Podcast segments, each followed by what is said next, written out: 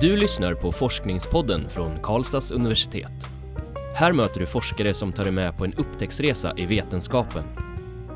Den här podcasten görs av publiceringsstöd vid universitetsbiblioteket. Hej och välkomna, mitt namn är Magnus. Jag heter Nadja. Och med oss har vi Johan Eklund som i våras disputerade i datavetenskap här på Karlstads universitet. Välkommen Johan. Tack. Din avhandling heter Latency Reduction for Soft Real-Time Traffic Using SCTP Multihoming. Vill du berätta lite vad avhandlingen handlar om? Um, ja, den handlar ju om uh, den nya typen av trafik som går över datanäten. Datanäten är byggda för det vi kallar för statisk trafik. Standard för hur man skickar datatrafik över nätverken formades för en 40 år sedan kanske. Och då var det mycket statisk information. Man tittade på en webbsida, skickade ett mail och man fick fram den till mottagaren så fort, så fort det gick. Var det många som var på nätet så gick det lite långsammare. Var man ensam på nätet så gick det snabbt. Eh, mycket av trafiken idag är av realtidskaraktär. Och det är ungefär som att vi sitter och pratar här med varandra. Om du ställer en fråga till mig och svaret dröjer några sekunder så kan du börja fundera, vad händer nu? Förstod han inte frågan? Eller har han inget svar? Eller svimmar han? Eller vad hände för någonting? Man blir lite osäker. Det pratar man om latens. Och det ligger i titeln här också, latency. För pratar vi om realtidstrafik, alltså man vill förväntar sig ett svar inom en given tid, så får inte latensen vara för hög. Och mycket av trafiken som går över datanäten idag är latenskänslig. Blir latensen för lång om vi ser den här lilla bollen som ligger och snurrar till exempel om vi surfar till en sida så klarar vi det en liten stund men blir det för länge så blir vi irriterade. Vi förväntar oss att det ska gå lika snabbt som ungefär när vi ringer till varandra i telefonen, eller hur? Blir latensen för lång så blir det besvärligt. Och mycket av tekniken för, som finns i datanäten idag är inte byggda för sån typ av trafik. Och min avhandling tittar på olika tekniker för att förbättra det här. Reducera den här latensen så man får en smidig eh, överföring av trafiken till mottagaren kan vi säga, av datat. Mm. Mm. Hur kom det sig att du valde just det här området att titta närmare på? Eh, I mitt fall så var det ganska givet. Eh, jag jobbade redan tidigare på datavetenskap, jag är anställd på universitetet. Och eh, på, området, eller på ämnet jag jobbade fanns datakommunikation som ett av områdena. Och när jag blev nyfiken på att eh, jobb, arbe, arbeta som doktorand så var datakommunikation ett av områdena. Jag tyckte det verkade spännande och intressant. Så att, ja, på den vägen var det. Ja, okay.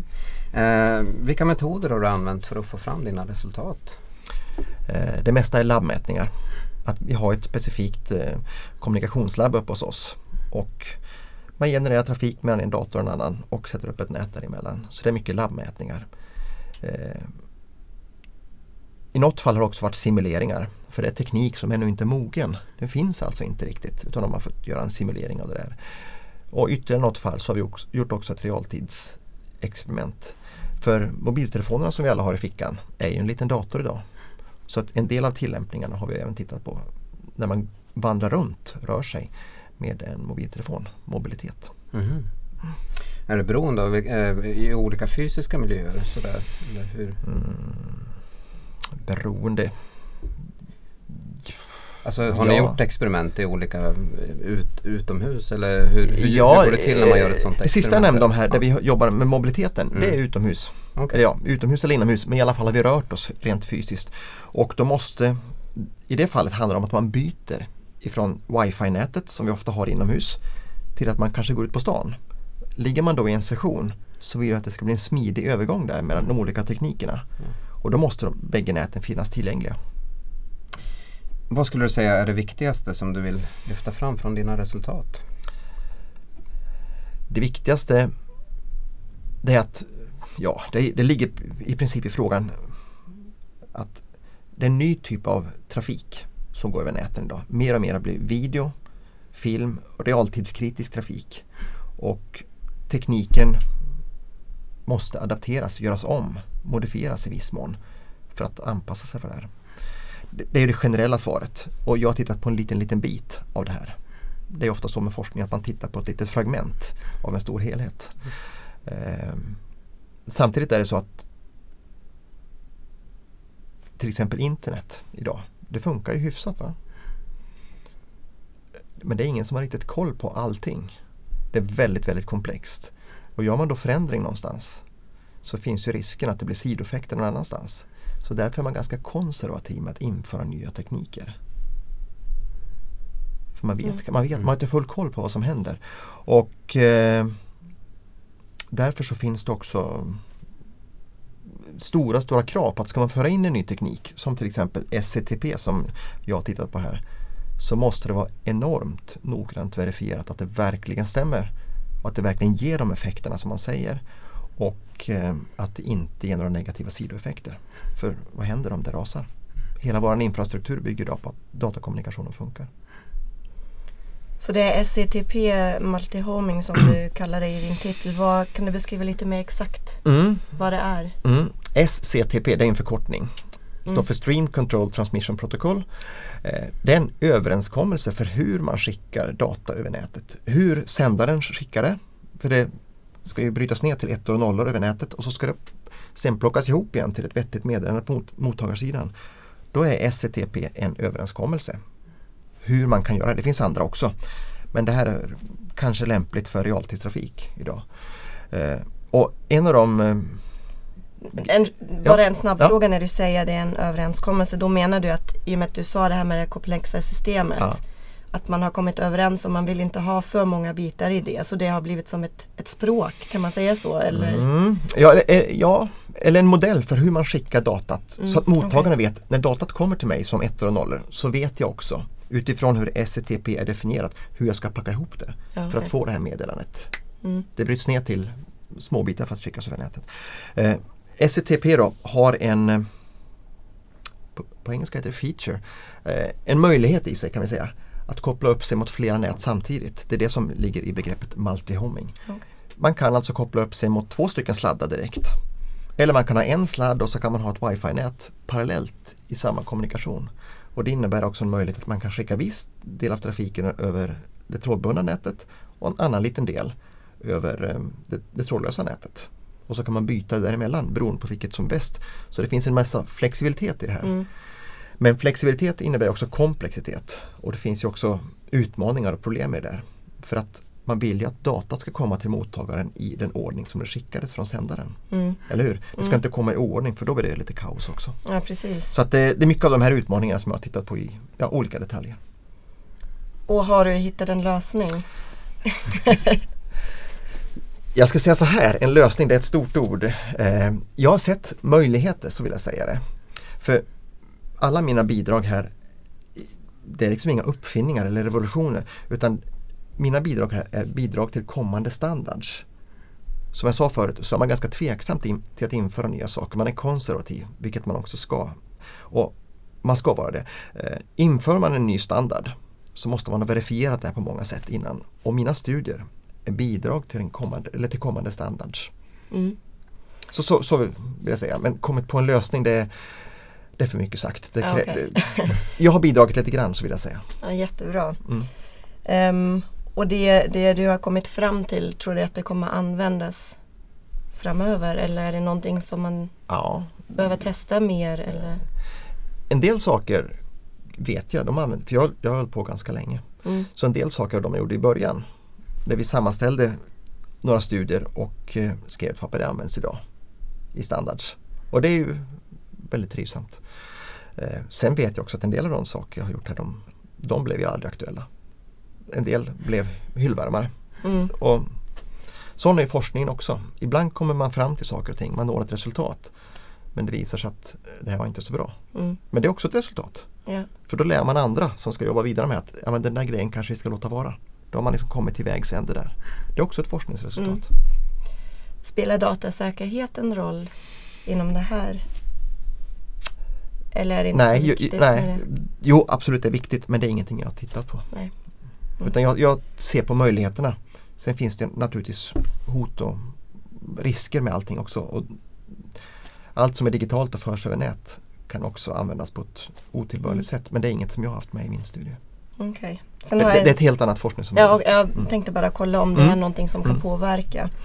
Sen har jag bara en liten eh, till detaljfråga egentligen. Ehm, Varför heter det soft real time traffic? Alltså Mm. vad, vad är det som gör den mjuk? Ja, det är bra. Soft real time traffic, det är det vi pratar om, typ medietrafik. Om jag lyssnar på, om jag streamar en film till exempel och så får jag ett hack i filmen eller att det blir en fördröjning så är det ingen katastrof för mig. Jag kanske blir lite småirriterad för och ett långt hack så blir jag jätteirriterad. Men det är det som kallas att den är soft. Man kan liksom leva med att det blir lite störningar i den, eller hur? Men om vi har till exempel styrning av ett kärnkraftverk och så får man en signal och så blir det en Mm. fördröjning där. Effekten där blir katastrofal. Där pratar man om strict real time eller firm real time. Mm. Och för det blir effekten katastrofal. Samma sak är om man har styrning av ett jaktflygplan till exempel. Det kommer en signal från en sensor att nu håller vi på att tappa höjd eller någonting. Och så blir det fördröjningar där. Mm. Då har vi inte soft real time längre. Då är det hårda bud som gäller för att annars är effekten katastrofal. Så soft är när latens är möjligt eller okej? Man kan leva man med det. Man kan, Mm, man kan leva med det. Mm. Det får inte de dramatiska effekterna. Okej. Hur pass centralt område är just det här studier av latency inom datavetenskap? Är det ett av de viktigaste områdena eller hur avgörande är det så att säga att, att hitta, Eh. hitta lösningar på latency-problem? Ja, det är svårt för mig att säga. Där jag sitter i den gruppen, där är det väldigt centralt. Så kan jag säga. Det, det är ett av våra fokusområden i hela vår forskningsgrupp. Där jag sitter. Eh, och samtidigt så blir ju mer av, mer av trafiken realtidstrafik idag över nätet. Så att det Mm. absolut eh, är ett centralt område. Sen, det är inte kanske den avgörande punkten. Du Nadja var inne tidigare på det här med datasäkerhet. Det är ett område som också är oerhört centralt för att många bitar går hand i hand. Men i och med att trafiken blir mer och mer realtidstrafik så kommer latensproblematiken att bli mer och mer central också. För att om du och jag pratar i telefon och så får vi störningar till exempel. Det gillar vi inte va? Då är vi inte, åtminstone inte beredda att betala räkningen. Eller hur? Ja. Nej men och eh, det är också soft real time traffic. Mm. Och det förs också över samma teknik som över internet idag i många stycken. Om man tänker målgrupper och så, vem hoppas du ska läsa din avhandling? Eller vem kan ha användning av den? Eh, framförallt andra forskare. I och med att det här är bidrag till standardiseringar. Eh, en del av mina kommande doktorandkollegor inom området som fortsätter de här bitarna som jag håller på med. Eh, sådär. Sen är den ganska tekniskt skriven. Jag hoppas ju egentligen att alla ska läsa den, det vore ju fantastiskt. Men eh, jag tror inte alla kommer vara intresserade i och med att den är tekniskt skriven. Man måste, man måste vara på banan för att kunna tillgodogöra sig det här. Mm. Eh, vad har det här avhandlingsarbetet betytt för dig som, som person? Har du utvecklats av att forska om detta? Ja, det har jag gjort. Det får jag säga. Ja. Jag har fått en insikt i vad forskning kan vara framförallt och hur det ofta funkar. Att det är, innan jag började så tänkte jag att ja, men vad häftigt, då får man göra lite vad man vill. Och, och eh, man kommer på revolutionerande saker, man kommer på lösningar. Sådär. Men mycket är det ju en vardag, det är ganska styrt. Åtminstone inom mitt område. Och det bör det vara också. Och ja, det här att vara strukturerad. Du måste ha ett mål att jobba mot och du får liksom inte Det är kanske är kul att titta på det här till höger eller vänster men håll dig på banan. Det är det här du ska göra. Mm. Och du ska nå till målet. De andra bitarna får vi ta eventuellt sen. Det är nu du ska fram här. För går man på för mycket det här åt, till höger och vänster så blir distraktionen för stor och man kanske missar målet eller aldrig kommer fram. Mm. Och så har jag väl lärt mig en sak till.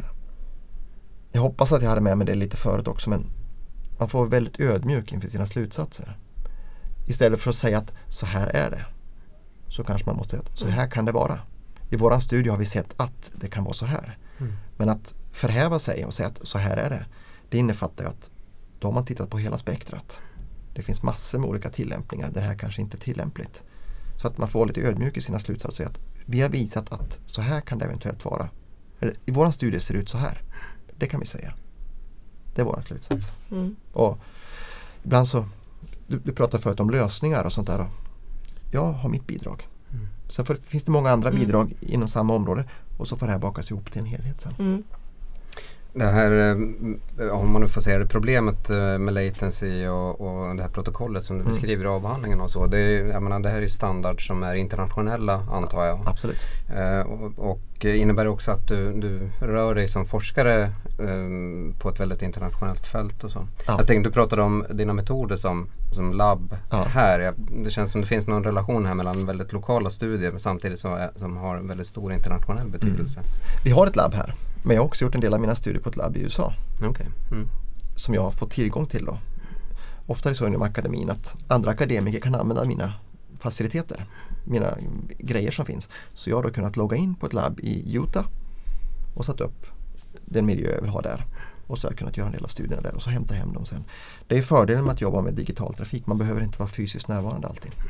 Så det är absolut är internationellt och alla mina publikationer är också internationella och presenterade internationella sammanhang. Mm. Så din egen forskning kan egentligen hjälpa till att bidra och utveckla infrastrukturen för den forskningen också då? Om du minskar ja, absolut. latency effekt? Ja, skulle man kunna göra. Mm. Eh, för det finns ju inga svenska standards Nej. för det här utan det är ju internationellt alltihopa. Det är, sen kanske någon specialenhet eller specialföretag kan göra en egen standard men då är den bara tillämplig hos dem också. Vi tittar på de stora internationella ja, som är giltiga för alla. Mm. Vi vill att det ska bli använt generellt i alla datorer. hur ser dina, ser dina, planer ut för framtiden? Vad kommer du fortsätta forska om? Ja, eh, som jag sa förut, man är strukturerad och går mot ett mål. Eh, jag sitter i en forskningsgrupp här på universitetet och eh, vi har ju som målsättning att titta på det här med latency, fördröjningsaspekter. Och jag kommer att fortsätta titta på dem framöver ur olika aspekter. Kanske inte med SCTP, det här protokollet, utan det finns alternativa protokoll också. Eh, men det här med multihoming, att skicka trafik över olika typer av nät. Det är en grej som, vi, som är ganska stor hos oss och min tanke är att jag fortsätter med det. Det är ambitionen och det är förväntningarna på mig också. Mm. Så att eh, man bestämmer inte helt själv. Utan, mm, det finns ju en verklighet bakom. Ja, Johan, nu börjar vi närma oss slutet av den här intervjun men eh, du har ett otroligt spännande ämne och jag tänkte bara kolla. Vi har försökt att få våra lyssnare att förstå vad du har jobbat med men är det någonting vi kanske glömde fråga som du tycker vi borde ha frågat? För att förklara det ännu bättre. Det man kanske kan tillägga nu när jag har disputerat, jag, det är några månader sedan och jag har tänkt lite på det här, vad innebar min disputationstid? Och det är ganska tufft jobb. kan jag säga. Mm. Och man är ganska ensam ofta. Okej, okay, jag sitter i en forskningsgrupp, jag har en handledare och sådär. Men ansvaret ligger på mig. Och, eh, jag är ganska fri i min roll, jag får jobba i princip när jag vill. Men jag har förväntningar på mig att leverera inom vissa tidsintervall. Och det innebär att man måste ha, i alla fall har jag upplevt det, ett ganska stort inre driv. Man måste ha eller jag tror att det är en stor fördel ska jag säga om man har målsättningen klar för sig och kan återvända till den ibland när man sitter och kanske grottar mm. med detaljer. Man känner att det här är ett evighetsarbete, jag kommer inte framåt, jag sitter fast. Att ibland kunna lyfta sig ur det och titta på målet. Och det har ju gått lite fram och tillbaka. Så mm. är Men så är det inom alla jobb att entusiasmen flödar inte alltid. Va? det, det, det är ett tufft jobb men kan man ha målbilden klar för sig så är det lättare. Och speciellt i och med att man sitter ganska ensam med sitt arbete. Det tycker jag är ganska unikt jämfört med tidigare arbetsplatser jag jobbat på. Då har man ofta kollegor som man jobbar med samma saker med eller kan dela bördan med eller frustrationen kanske. Jag kan tycka att det är ganska mycket ensamarbete i det. Mm. Jag tycker det är jättebra det du sa och jag hoppas det är många doktorander som lyssnar nu som kanske sitter i samma sits just nu och funderar på det här. Mm. Eh, så varmt tack att du gästat Forskningspodden och lycka till med fortsatta arbete. Eh, tack också till er som har lyssnat och ni är välkomna till nästa avsnitt. Då träffar vi Pernilla Hedström som berättar om sin forskning i idrottsvetenskap. Du har lyssnat på Forskningspodden från Karlstads universitet. Den här podcasten görs av publiceringsstöd vid universitetsbiblioteket. Alla avsnitt hittar du på kau.se forskningspodden.